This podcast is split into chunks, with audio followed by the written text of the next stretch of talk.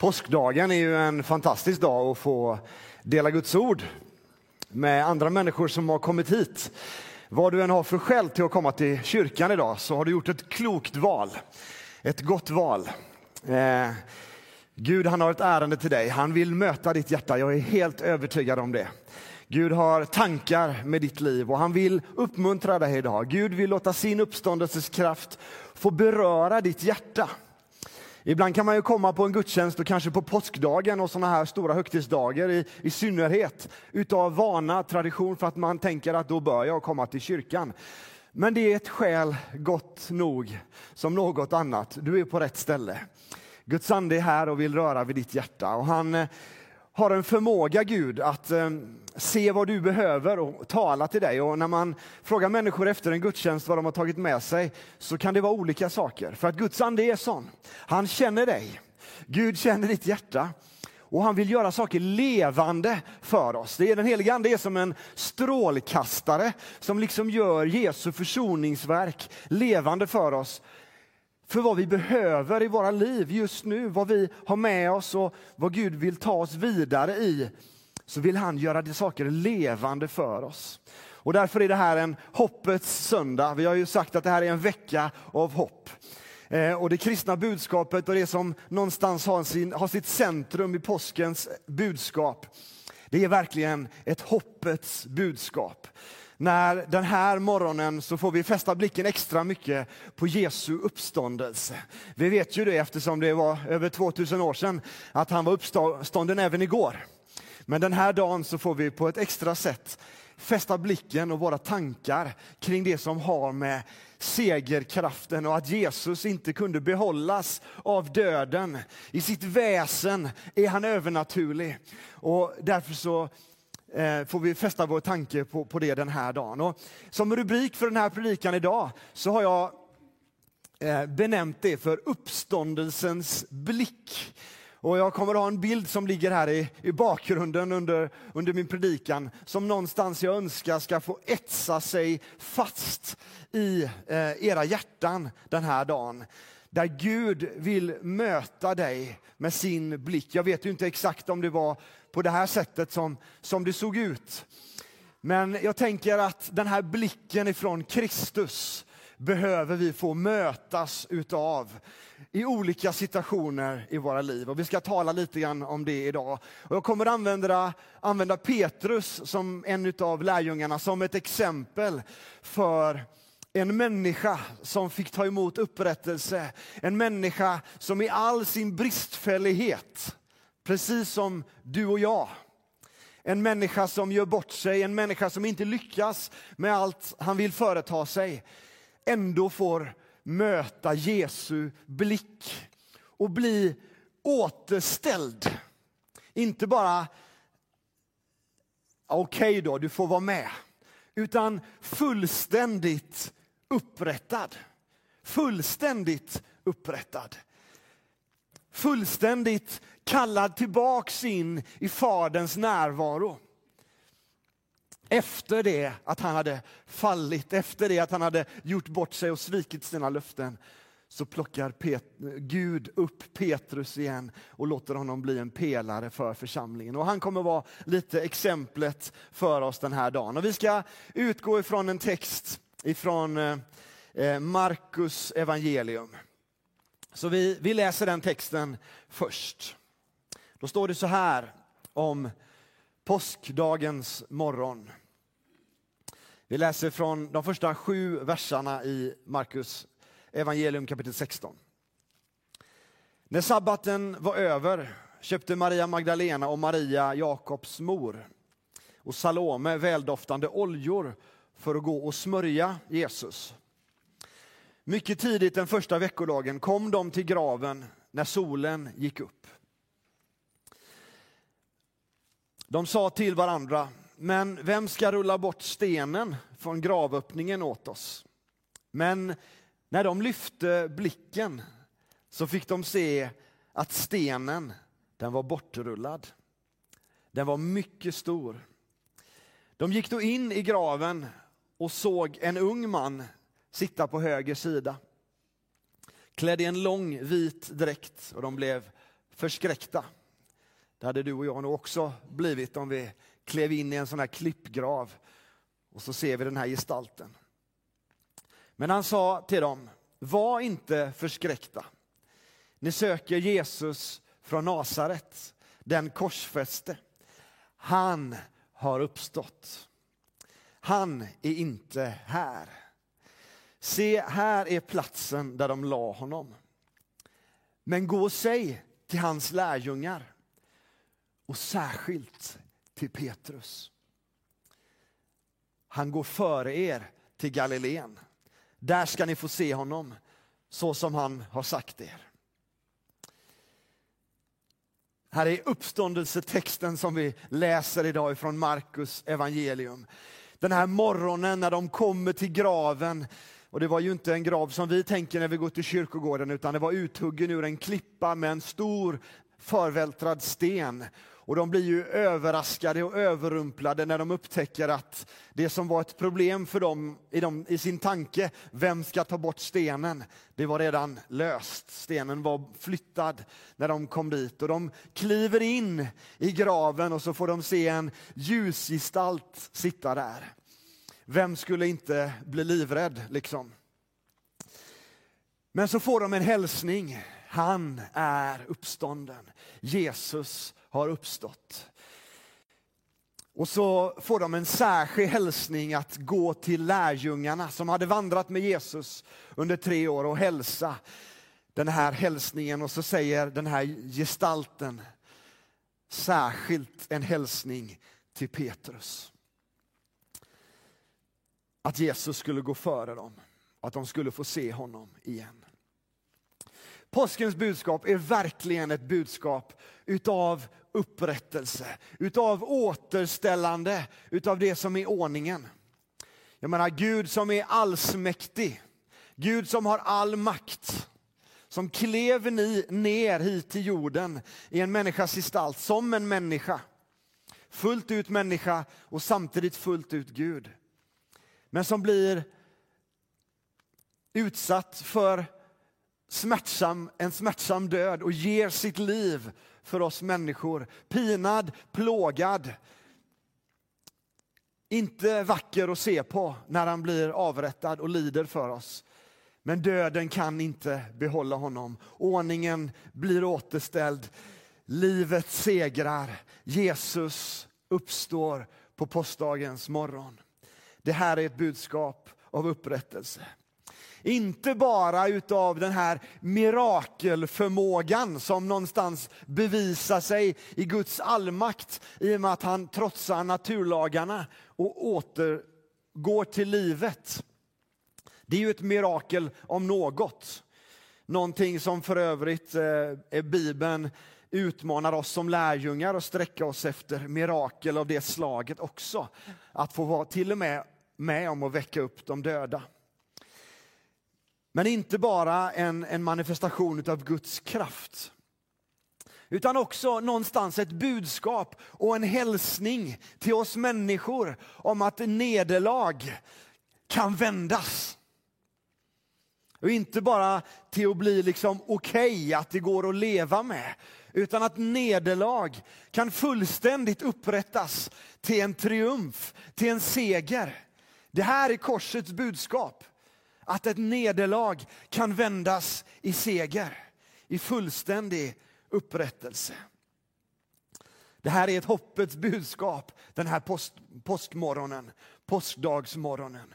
Att det, att det kan tränga igenom alla våra mörka omständigheter som vi kan ha i våra liv på olika sätt. Så vet vi att Guds ande, det står ju det, att den ande som väckte upp Jesus från de döda är verksam i oss. Inte i några speciellt utvalda, utan i alla som har valt att säga sitt ja tack till den här gåvan som Jesus ger oss. Den anden är uppståndelsens anden, ande som är verksam, som är aktiv idag i våra liv. Är du med?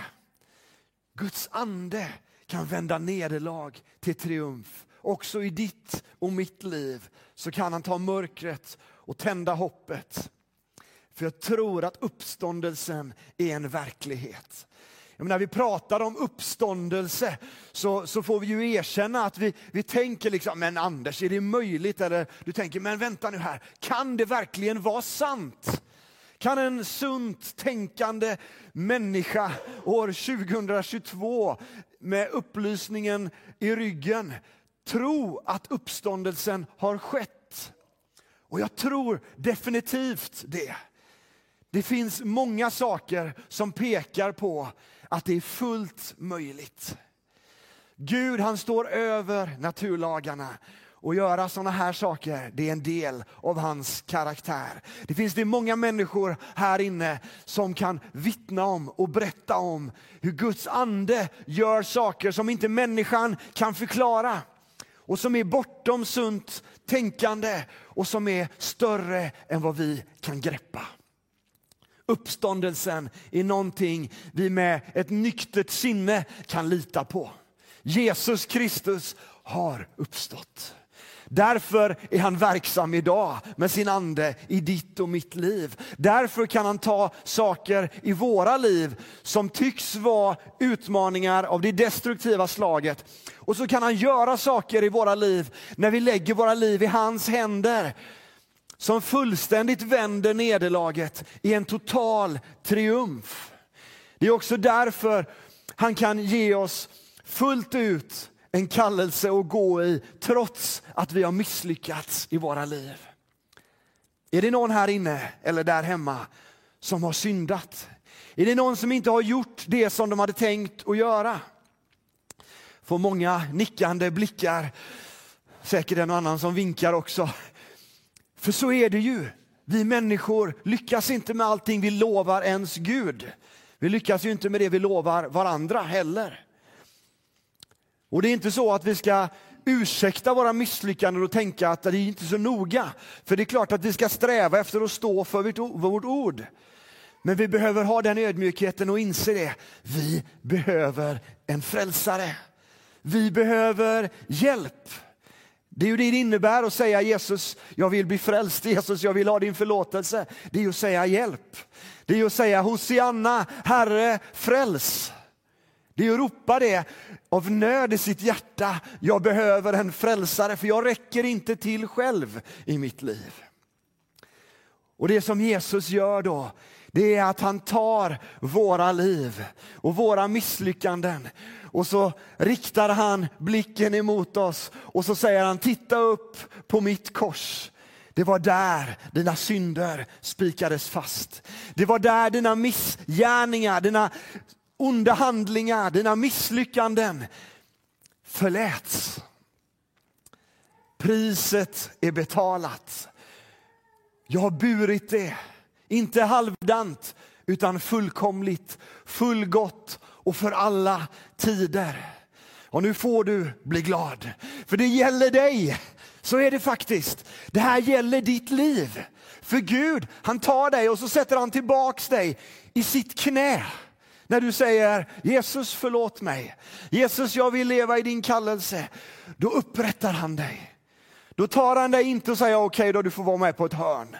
Nej, utan han säger, du är min. Du är min älskade. Jag har kallat dig vid namn. Jag ger dig ett uppdrag. Jag ger dig en utmaning att tjäna mig. Och jag vill att du ska få verka i min andes kraft i ditt liv. Så går jag med dig med min heliga ande. Och du kan få vara med om att göra mina gärningar där du lever ditt liv. Kan du få vara med om att välsigna andra människor trots dina egna brister och misslyckanden. För min försoning räcker till. Det där är ett gott budskap som man gillar att berätta. Inte bara för att det är gott att höra utan därför att det är det radikala budskapet av försoning. Att han har burit våra fel och brister. Han vill inte att du ska gräma dig en sekund över dina misslyckanden. Vad det än gäller i livet så vill han upprätta dig fullt ut och vill att du ska få överlåta dig på nytt till honom och säga Herre, tack att jag får vara med i matchen. Tack att jag trots att jag misslyckades får komma in i matchen igen och vara med fullt ut som en del av ditt lag, som en del av ditt lärjunga, din lärjungaskara och tjäna dig i full kraft. Uppståndelsen är en verklighet. Jag tänker så här när jag tänker på kyrkan. att hur vi bemöter varandra är så otroligt viktigt. Jag jobbade mycket med bemötande de åren som jag var verksam i skolan. Hur vi tar oss an människor som har svårt för att liksom klara den vanliga sociala koden och så vidare. För vi kan ju förstora problem genom att ge ett bemötande som, som just skapar mer problem än vad det löser. Och det är lika viktigt för oss som kyrka hur vi bemöter varandra. Vad vi ger varandra för blickar.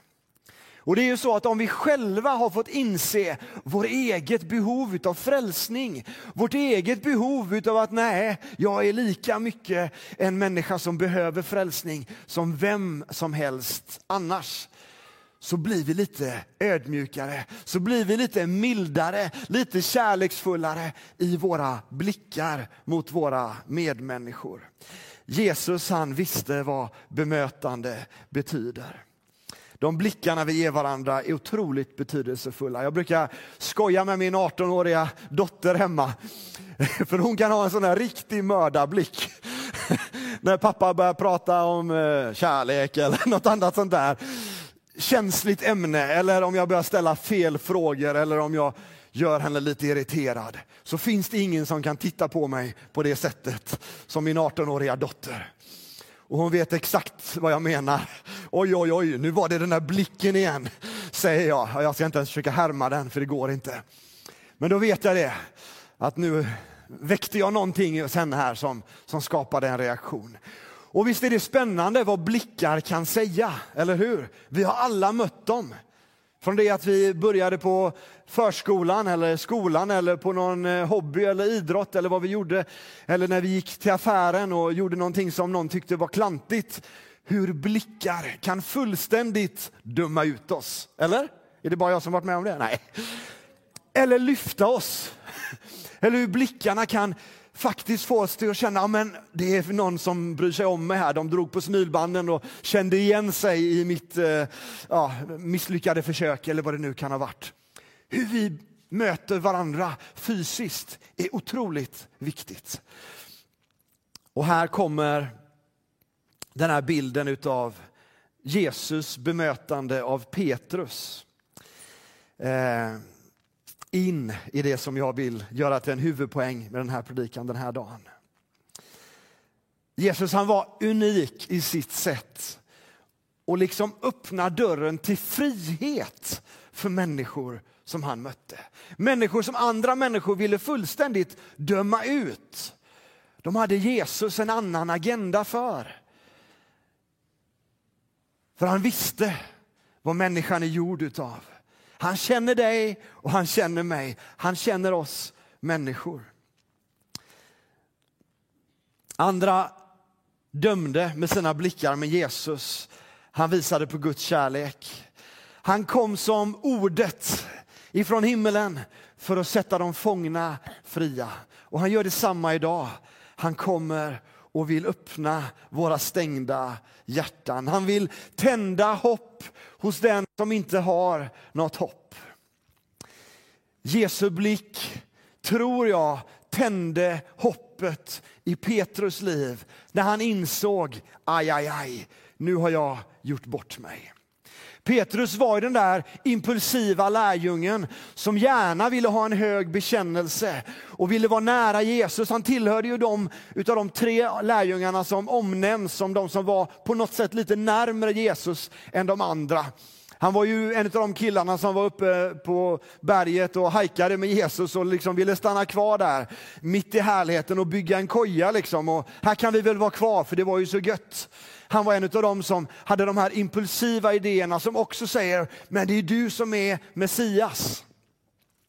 Det är den Petrus som spontant tar fram svärdet och hugger örat av en soldat när de ska ta Jesus till fånga. Som också har sagt att jag kommer aldrig att förneka dig, har han sagt till Jesus. Den här killen som vi kan identifiera oss med, vare sig vi är kvinna eller man, så kan vi känna igen oss som människor i att det här är en människa som vill väl, men som inte räcker till. Såna är vi ju. Vi vill oftast väl. Jag tror att vi alltid vill väl. Men det är inte alltid vi klarar av det. Det är inte alltid vi lyckas med det vi förutsätter oss. Petrus. Den här hälsningen från Markus 16. Säg särskilt till Petrus. Den här ängeln, eller om det var Jesus själv som de inte kände igen, som ger hälsningen till kvinnorna, ger en särskild hälsning till en av lärjungarna. För han visste hur djup hans, djupt hans mörker kunde bli. Så han skulle få en särskild hälsning. Kanske att du också sitter här idag som, som får en särskild hälsning, en speciell hälsning från Gud där han vill tala in i ditt liv och peka just på ditt liv och säga just det, dig, du är viktig i mina ögon. Jag kommer att möta er på vägen sen. Jag kommer upprätta dig. Vi som inte alltid lyckas. Petrus som hade en hög bekännelse men som föll platt. Händelsen som vi ska läsa om nu det är ju när Petrus följer efter dem som har tillfångatagit Jesus in på översteprästens gård och de är där och folk följer efter och Petrus han smyger med i folkmassan. Och människa efter människa känner igen Petrus som en utav dem som hade följt med Jesus i hans lärjungaskara. För han hade ju bondat ganska tätt med Jesus. Han hade ju haft en ganska hög bekännelse och han hade ju inte direkt varit den som smög i bakgrunden. Utan han hade verkligen hållit sig framme tillsammans med Jesus. Så människor kände igen honom. Och där går han på gården och vi läser i Lukas 22, vers 61 och vers 62. Det här är när Petrus har sagt, jag känner inte den mannen. Till tre olika personer har han förnekat att han är en av Jesu lärjungar. Trots den bekännelsen han hade innan. När han gör det här så står det så här. Då vände Herren sig om och såg på Petrus. Och Petrus kom ihåg Herrens ord. Att han hade sagt till honom, innan tuppen gal i natt ska du tre gånger förneka mig. Petrus gick ut och grät bittert. Herren vände sig om och såg på Petrus. Tuppen som gal. Jesus vände sig om. Han visste det. Där är han. Han som ska bli en klippa för min kyrka. Han som ska vara den som tar mitt budskap vidare utifrån Jerusalem och sprider det över världen. Den här killen, han kommer falla i ett djupt mörker nu. Han behöver mötas med en blick. Inte en blick utav vad var det jag sa? Inte en blick utav din lilla stövel. Du som inte kan någonting. Dig kan man inte lita på. Nej, inte en sån dömande blick. Utan uppståndelsens blick utav upprättelse. Där Jesus i mildhet, där Jesus i barmhärtighet, där Jesus i sin kärlek vände sig om. Sargad. Han vet vad som väntar honom, vilket lidande han går in i. Han vänder sig om och tittar på dig och mig idag. Och så säger han, det är för din skull. Det är för dig jag gör det här. Det är för att du inte lyckas. Det är för att du har fallit. Det är för att du ska bli upprättad. Det är för att du ska få tjäna mig i full kraft igen. Det är för att du ska få komma tillbaks in i den kallelsen jag gav dig när du var ung men som du tappade. Det är för din skull som jag ger dig den här blicken. Och jag vill att du ska titta på den blicken idag. Jag vill att den heliga ande ska få göra Jesu blick sådär mild och kärleksfull för dig. För det är just sånt hjärta Gud har för dig. Det är så hans hjärta brister för oss människor. När han gav sitt liv så kände han mänsklighetens svaghet. Han kände att vi till och med skulle förneka honom. Det var för sådana människor som Petrus som Jesus dog. Du är inget undantag. Försoningen gäller inte alla andra utan dig. den gäller dig också. Jesu korsdöd, Jesu uppståndelse, Jesu uppståndelses blick, den är för din skull. Den gäller för dig. Den är för att du ska få vända dig tillbaks till honom och ta emot en fullständig upprättelse. Du kan tänka dig vad Petrus går igenom när han blir påmind av Jesu blick, utav både påminnelse och upprättelse. Han går därifrån och han gråter bittert. Det var inte så att Petrus inte blev ledsen, utan han blev ju förkrossad. Petrus insåg att nu har jag gjort bort mig.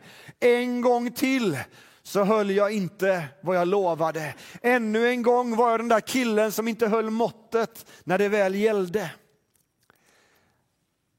Han kände sig fördömd och han behövde en särskild hälsning.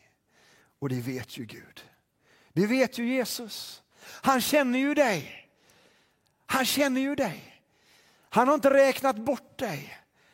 Utan hans kallelse den gäller för dig. Du kan tänka dig om det fanns några andra där runt Petrus. Hur de tittade på honom. Vad gav de honom för blickar jämfört med Jesu blick? Jaha du Petrus, så mycket för den bekännelsen.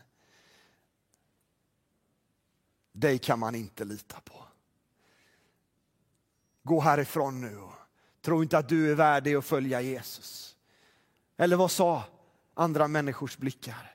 Men det var inte det Guds blick sa till honom. Och då tänker jag så här idag att du och jag måste också välja vilka blickar vi möter. Vems blick är starkast?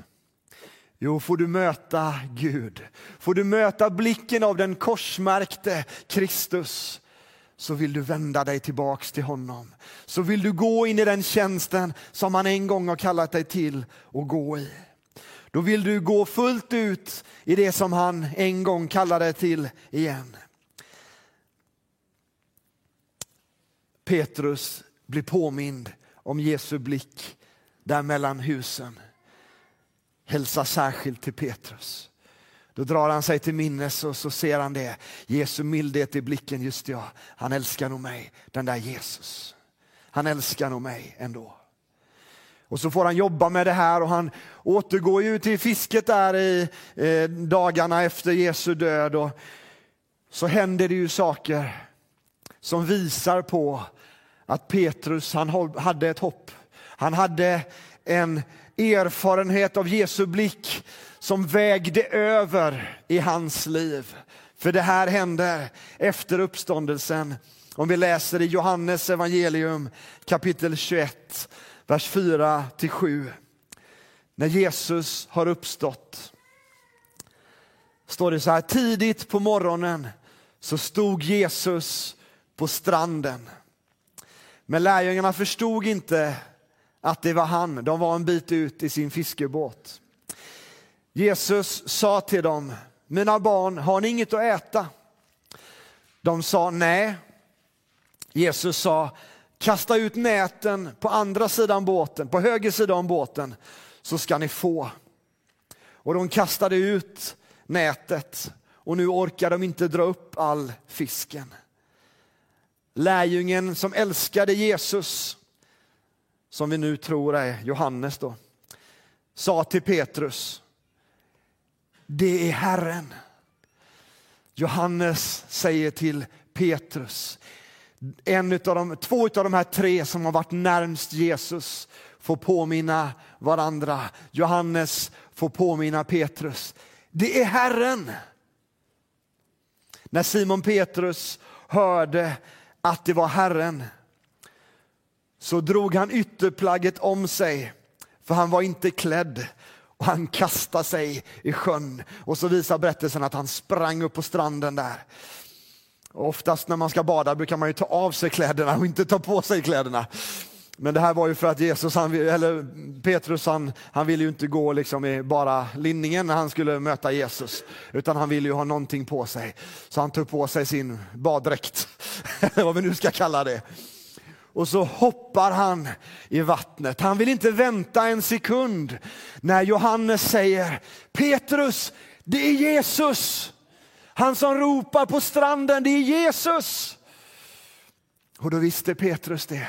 Han som mötte mig med blicken där på gården. Det är han som hade förutsagt att jag inte skulle kunna hålla mina löften. Det är också han som kommer till mig nu och visar ännu ett mirakel utav ett fiskunder.